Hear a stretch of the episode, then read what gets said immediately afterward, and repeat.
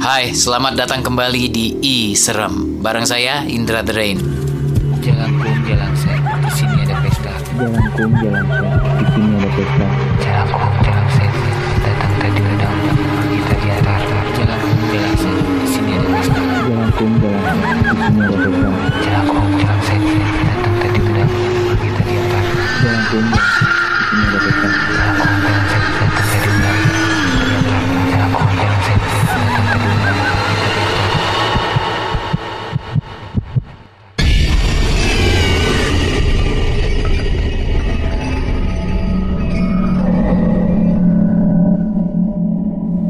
Hai, ketemu lagi dengan saya Indra Drain dalam program I Serem. Seperti biasa, ada sebuah cerita serem yang sudah siap untuk kita dengarkan. Namun sebelumnya, kalau kamu sendiri punya pengalaman pribadi yang horor, pengalaman yang bisa bikin merinding kalau kita dengerin, silakan kirimkan cerita kamu lewat email ke program at iradiofm.com atau DM ke Instagram at podcastrsj. Cerita kali ini datang dari Mayu tentang sang kakek yang berprofesi sebagai penarik delman di suatu daerah di Jawa Tengah dan harus diganggu oleh sosok menyeramkan. Mau tahu selengkapnya? Langsung aja kita dengerin cerita yang dikirim dan dibacakan langsung oleh Mayu. Ini dia I Serem.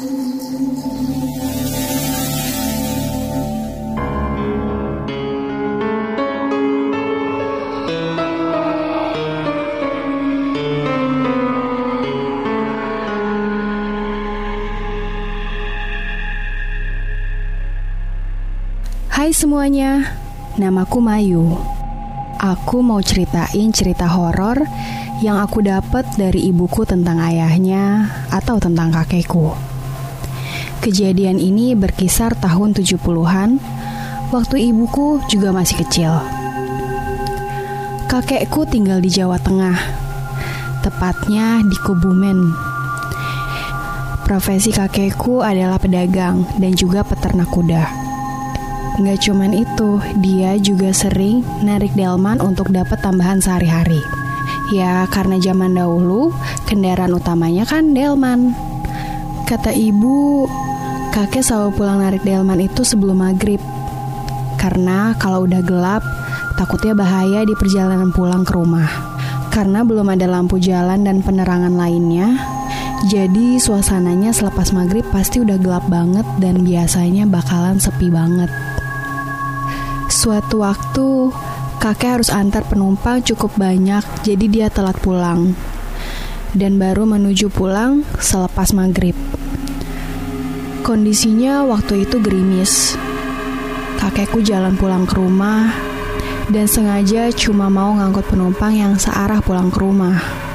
Kayak yang aku bilang tadi. Selepas maghrib, kondisinya udah gelap banget karena nggak ada lampu jalan nggak kayak zaman sekarang. Penerangan yang dipakai cuma lentera yang dipasang di delman. Suasana jalan juga sepi banget karena mungkin lagi gerimis jadi nggak ada orang lain yang lalu lalang. Di tengah perjalanan pulang, tiba-tiba kakekku diberhentikan oleh seorang perempuan. Perempuan itu berdiri di pinggir jalan dan kegerimisan. Pak, pak, nunut pak, kata perempuan itu dalam bahasa Jawa yang artinya, Pak, ikut pak. Karena nggak tega, kakekku angkut perempuan itu untuk diantar. Monggo, jawab kakek tanpa pikir panjang. Kata kakek sepanjang perjalanan, perempuan itu cuma diem aja. Dan karena lagi gerimis, kakek jadi ngerasa kayaknya ada yang gak beres nih. Tapi kakek gak mau mikir yang macam-macam dan tetap ngejalanin delmannya. Rute perjalanan pulang kakek ngelewatin satu pemakaman umum yang namanya si Tinggil.